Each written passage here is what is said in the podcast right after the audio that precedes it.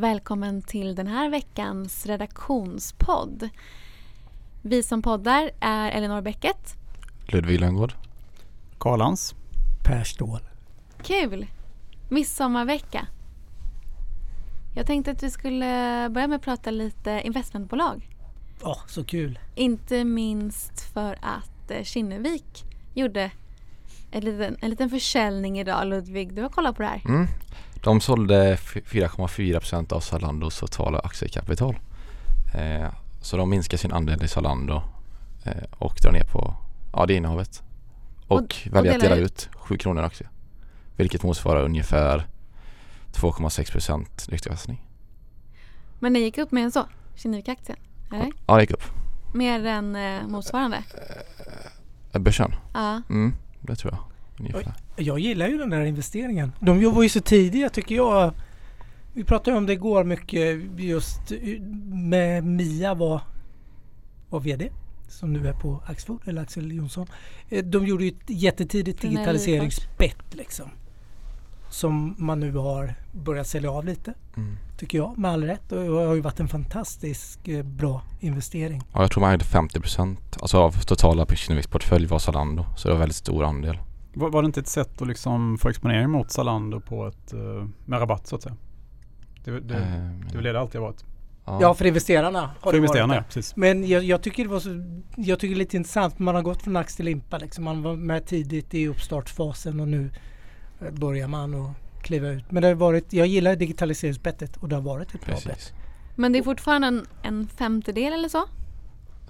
Eh, ja, Ja, om inte mer ja. tror jag. Men när vi ändå pratar Kinnevik, de har ju andra, tycker jag, som har varit lite hypat, Corona Trade. Mm. eh, Amerikanska Teladoc som är sån här e- e-läkare eller har ju gått otroligt bra i år. Eh, men även där är ju Ja. Kinnevik inne på, med digitaliseringstrenden när det gäller hälsovård. Men de har ju, de har ju brittisk, en brittisk investering som Mm. är lite motsvarande Kry och amerikanska Teladoc. heter Babylon. Ja, Yes, precis. Precis, som även etablerar sig i USA och börjar bli en stor spelare där. Så, eh, ja, men Kinnevik, jag Mm. tycker de är intressanta och de har fångat upp den här digitaliseringstrenden. De har Mathem även e-handel och Mathem och... Mathem. Och Kinnevik är också på köplistan, Börsveckan. De har ju sånt investmentbolags eh, special. Men vilka äger ni då? Investmentbolag? Jag äger ju bara ett investbolag och det är Vostok New Venture. Och varför just den? Det är för att jag tycker att bolagen där är mest spännande och jag tycker Per Brilliot är eh, en stjärna. Eh, Så att jag har valt att ta rygg på honom. De äger ju också då bland annat den här Babylon, Babylon Healthcare. Och Voi va? Och Voi äger de också. Alltså elcykelbolaget. Precis. Eh, och jag, just det, jag äger också systerbolaget också. Eh, Vostok Emerging Finance äger jag också lite grann i. Som då är ett, eh, gör fintech-investeringar i eh, framförallt Latinamerika. Så att det är de två investmentbolagen jag äger. Men, men de är ju spännande. Det är ju mer än ett investmentbolag eller vad defin- definitionen är. Men det är så mycket onoterat i dem. Det är det, det är det absolut. För på andra sidan kan man ju kanske se industrivärden eller där i princip allt är Noterat. noterat liksom. Men ser du någon poäng då eh, att eh, äga ett investmentbolag där i princip allt är noterat? Är det därför du inte äger så mycket investmentbolag? Jag tycker det är lite tråkigt att äga investbolag. Eh, och eh, just nu har jag väl strategin istället att jag äger ETFer då om jag, om jag vill som alternativ då till det. Men, men det är klart att man skulle, jag skulle kunna äga investmentbolag men jag har, har valt att inte göra det just nu. Och kör ett stor breda ETFer istället. Ni andra då? Ja, jag har Kinnevik har jag. Och så Investor. En klassiker. Ja, Ja. en gammal svensk aktie. Jag kör ju Latour. Den är med på säljlistan så jag. Ja, det är den. Men det var ju bara några veckor sedan som var dåligt av mig. Ja men de gör det ju så himla bra. Allokera kapital fantastiskt bra. På tal om försäljningar. Latour var ute för några veckor sedan och sålde av i börskometen Tomra. Den som har ridit så bra nu i många år. En investering som de, de sålde av ungefär samma härad tror jag. Runt 5% av eh, sitt innehav och eh, tog hem en bra vinst. Men du ehm, då eh, skräms inte av då, du bryr dig inte så mycket om substanspremier och sådär. Du har haft den i, vad var det, åtta år? Oj, jag har haft den i 7-8 år. Ja. 8 år säkert. Och det, är, ja, men det är bra ledning. Det är lite Apple. Det är lite... Det är, det är värt, de gör grejerna så bra, de har så bra processer. Jag vet, jag har ju suttit och poddat med gamla vdn. Eh, Janne, Janne Svensson som avgick här för något år sedan. Otroligt, de gör samma process som de har gjort i 30 år. Och han berättade att de inte anställt fler investment managers. De, då var de nio stycken och de har, de har varit där. Man skulle kunna ha gjort mycket mer investeringar. Men då tror inte de att det blir bra investeringar. De gör upp 9-10 investeringar per år. Och det har de gjort historiskt och det fortsätter de att göra. Och han menar att det är så lätt när man får in kapital och göra mycket mer investeringar. Och då blir det inga bra investeringar. Det vet man ju lite själv när man börjar och kanske bredda portföljen och börjar handla alldeles för mycket och så. Så därför gillar jag dem. Men eh, de är inte billiga. Nej. Men, äh, men de gör grejer bra. Och jag vill inte ha några pengar. Jag vill att de, de ska investera. De hittar bra investeringar. För det pratade vi om igår lite med Kinnevik. Precis. Egentligen vill jag vill inte ha utdelning från ett investmentbolag. Jag vill ju att de ska, De ska hitta investera. investeringar som Per Brilliot. Jag vill ju att han ska ha en miljon eller en miljard mer i kassan än att jag får lite pengar på min depå. För de är ju duktiga de här människorna. Och då vill man ju att ja, men de, de ska hitta investerare. De hittar ju investerare som jag inte kan hitta. Det, Exakt. det är ju det som är hela grejen. Men hur mycket är noterat i Latour då? En dator är ganska mycket, det är väl 70 procent ungefär. Ja, Då. Så, så men då- man har ju en eh, onoterad industridel som man gör, sköter väldigt bra. Mm. Och sen hittar man ju noterade bolag som Tomra. Som ja, man har ägt i 10 år, 9 år och den har gått 800 procent. Alltså det, man har en bra känsla. Och då Men det är man fördelen- gärna en premie för det helt enkelt. Ja, och fördelen tycker jag med investmentbolag, man ska, ibland kan man jämföra det med en fond. Men fonder, de har utsitsregler. De får max äga 10 procent i ett bolag. Du blir ingen storägare, majoritetsägare.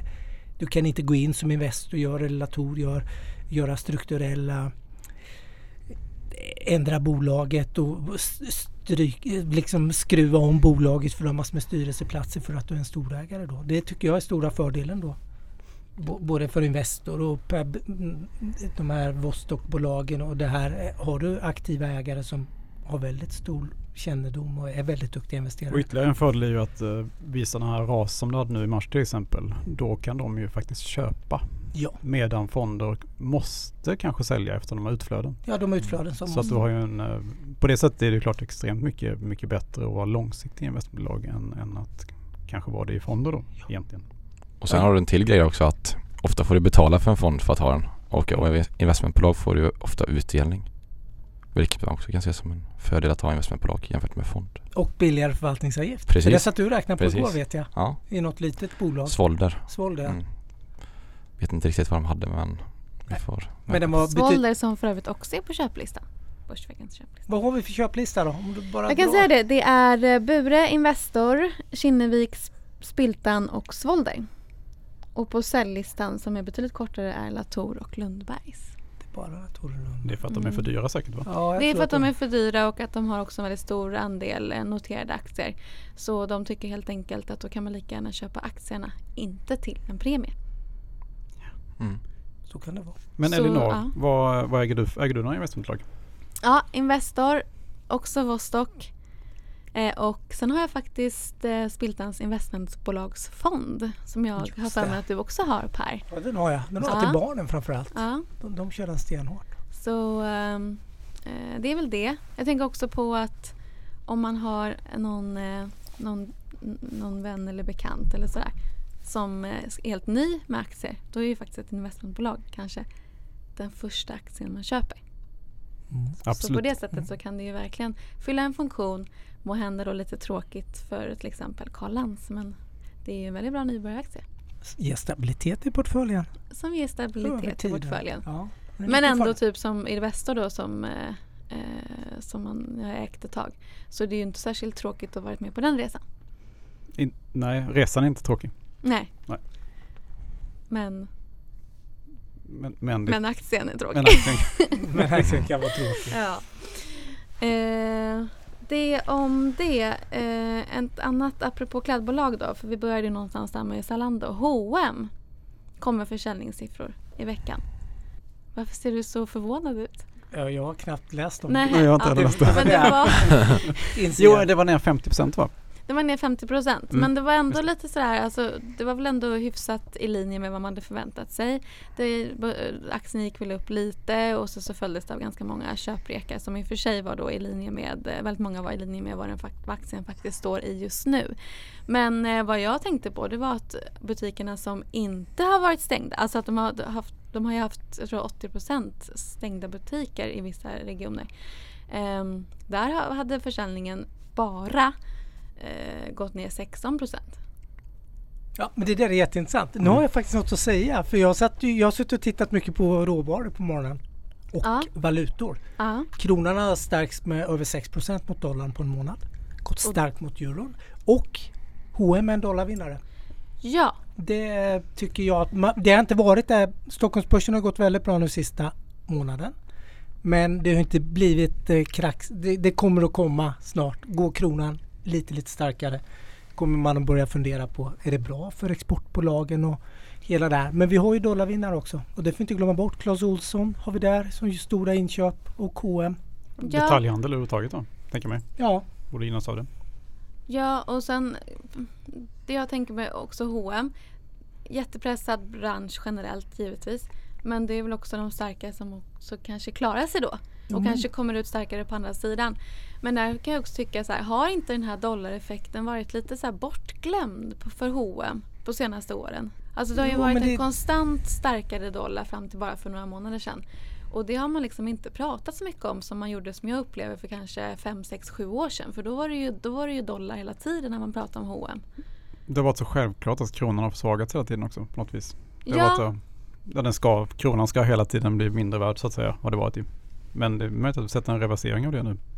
Ja, Att det vi bara är en början. Mm. Och jag tror att det är det. För du vill ju prata om det här sen med vad man gör ute i Europa där man vill kanske sätta europeiska obligationer och sånt där. Precis. Vilket kanske gynnar kronan.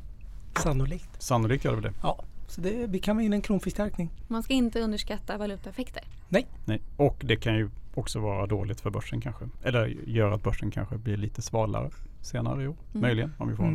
en mycket starkare krona. Men då bra för H&M Mm. då kanske. EU, så har du pratat lite där. Ja, jag tänker ju att eh, vi kommer ju på ett eller annat sätt att få ett eh, gigantiskt, eh, gigantiskt stimulanspaket från EU.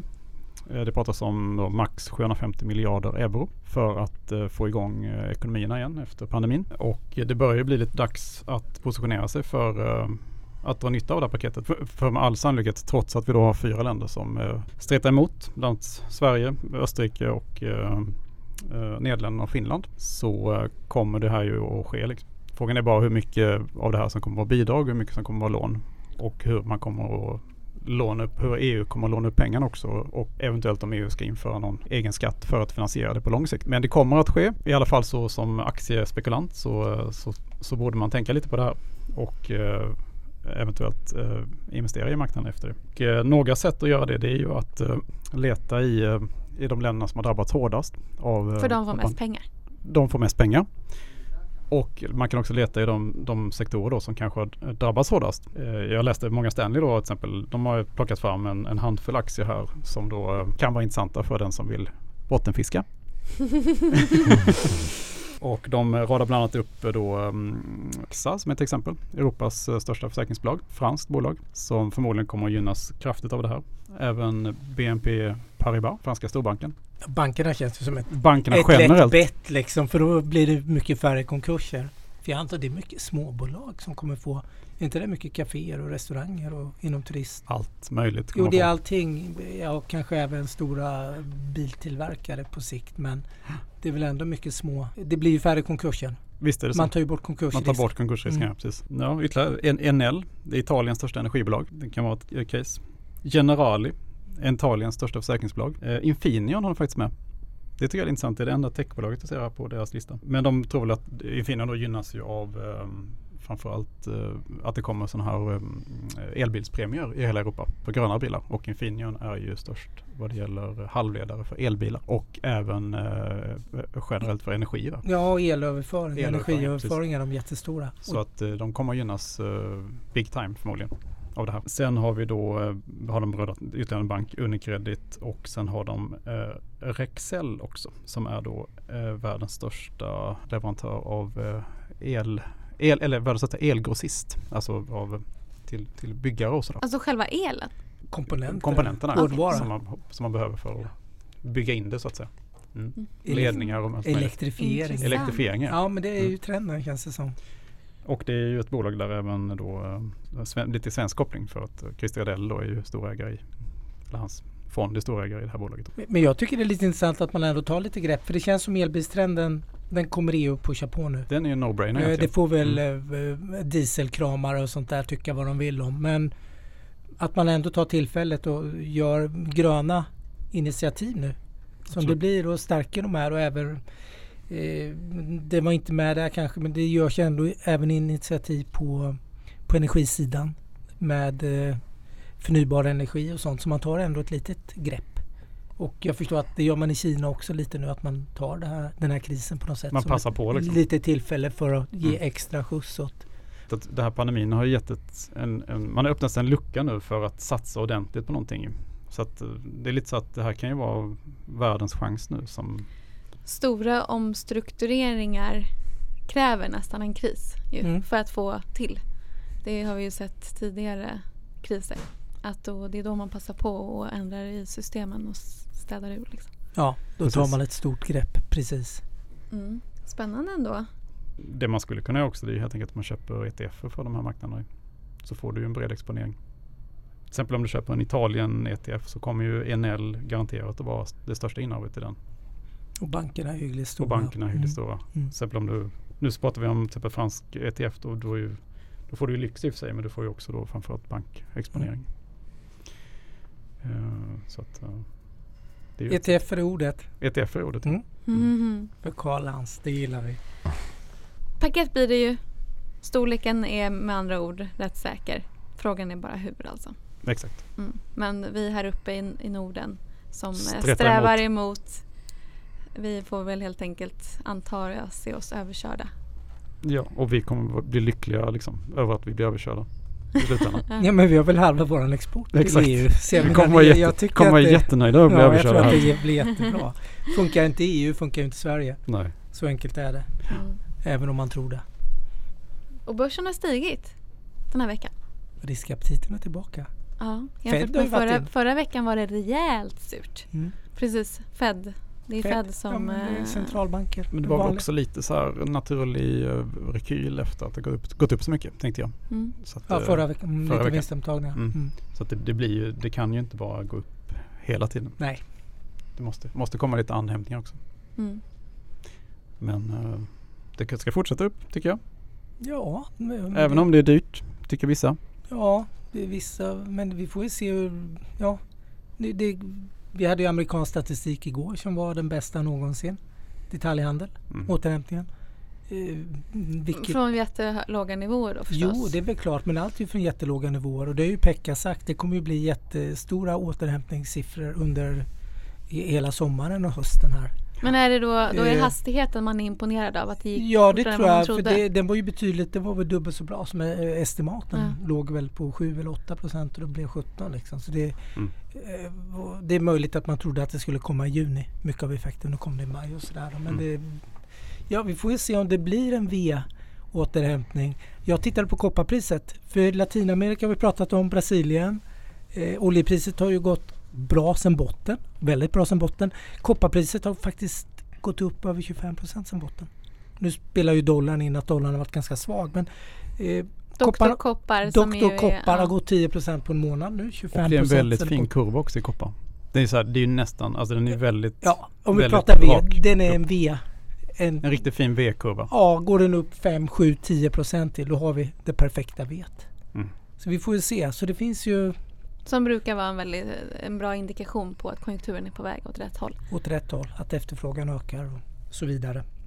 Vilket har gynnat Brasilien och Latinamerika som har gått väldigt bra nu sista månaden. Det är- Bra för, det var ju ditt bett. Det var mitt Ja. bet. Det har gått Ja. jättebra. Och Eh, valutorna har gått bra. Dollarn har ju inte gått något bra mot något. Ja, men jag, jag ser fortfarande att det finns en, eh, alltså personligen då ser jag fortfarande uppsida i Latinamerika. Eller i Brasilien framförallt. Eh, Jag menar mätt i dollar är det fortfarande ner 35 procent Mm. på året. Eh, Så att eh, det ska väl upp till, kanske inte till noll liksom men eh, det ska upp en bit till i alla fall. Mm. Mm. Något som också har gått fantastiskt bra. Det är ju techbolagen såklart, vi pratar jättemycket om det. Men vi ska prata lite om att just vissa techfonder har gått formidabelt bra. Vad är det som ut, urskiljer dem? De som har gått riktigt bra, det slog mig. Jag tittade faktiskt igår kväll på det. Vad som har gått bäst på tre månader. För på tre månader är ungefär när botten, bot, ja det går ju tvista om när botten var, men det var någon gång andra, andra halvan av mars. Mars, kring Det är 20 väl mars. 24 Ja. mars var det. 24, vi är där nästa vecka. Mm. Och då hittar jag fonder som är upp eh, mellan 50 och 60 procent sen botten. Vilket är mer än vad väldigt många Vilka fonder är det då? Det är små teknikfonder. Är det? Det är några svenska. Vilka, några exempel? Ja, Swedbank Ny Teknik. Det är ett bolag som jag vet du har investerat i. Sinch eh, ett av deras stora innehav. Hur mycket har Sinch gått? De gjorde ytterligare en affär nu, det svenska molntjänstbolaget eh, i veckan här. Nu gjorde ett indiskt förvärv.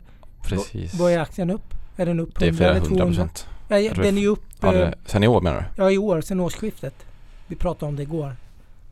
Det är över 100 procent. Ja, det är nog över 100 de har lyckats hitta små, små nischbolag, små, små teknikbolag som dominerar sin nisch. Blackrock har ju den här Next, eh, Next Generation, eller alltså nästa generations tillväxtbolag, mycket inom AI. Eh, digitaliseringstemat såklart, men det, det är mycket med olika, där hittar vi mycket betallösningsbolag som är lite mindre. Vi hittar inte Visa Mastercard men vi hittar bolag som är under. Vi, man skulle hitta Klarna där exempelvis om, Om de hade varit noterade. om de hade varit noterat då. Vi hittar ju TIN Ny Teknik som också är en vinnare då. Så små, små tech, små hälsovård, bolag som har hittat en nisch som de är marknadsledare på. Växer så det knakar. Investerarna gillar det. Eller har gillat i alla fall. Kan det ha blivit för dyrt då?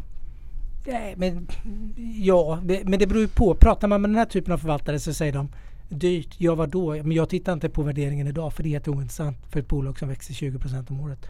Värderingen gör du på kanske 22 års vinst eller 23 års vinst. Men även om man tittar där kan det vara dyrt så att säga. Om man ser. Ja, men det, du hittar hur många sektorer hittar du som har en tillväxt på över 15% Det är inte jättemånga. Så visst, det, Det man, inte, det är inte italiensk energi i alla fall.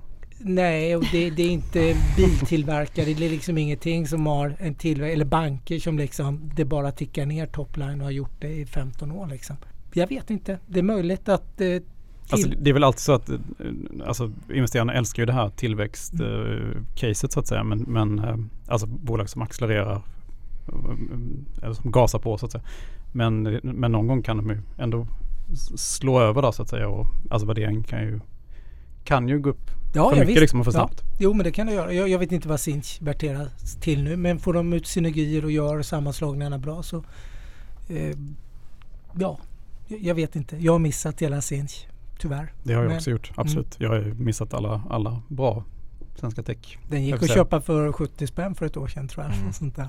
Den sjukt. 600 eller 700 nu. Helt Så det har ju galet. varit en eh, som Pekka ute efter en tiodubblare. Just det. Den glömde vi Vem är igenom för det? drygt ett år sedan. Mm.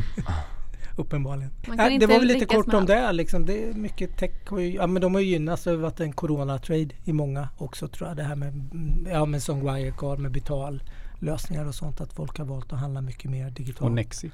Och Nexi och sånt. Mm. Vi får ju se. Nu kanske det är värdebolag som ska gå. Gamla trötta biltillverkare. Jag tror ju det personligen då. Att Och det är fordonsunderleverantörer och däcktillverkare. Så, allt, det kan, eh, allt det där kommer ju gynnas nu tror jag. Mm, Det ska upp. det ska upp. Allt cykliskt ska upp. Cykliskt ska upp. Ja men det ska väl. Är det en V-återhämtning ska bli cykliskt upp. Så det är väl Absolut. inte så konstigt. Nej. Du blir snart tillbaka igen. Ska vi avsluta där? Det gör vi. Ja. Och så kan vi önska våra lyssnare en eh, trevlig midsommar. Glad midsommar. Glad, Glad och midsommar. att det inte regnar.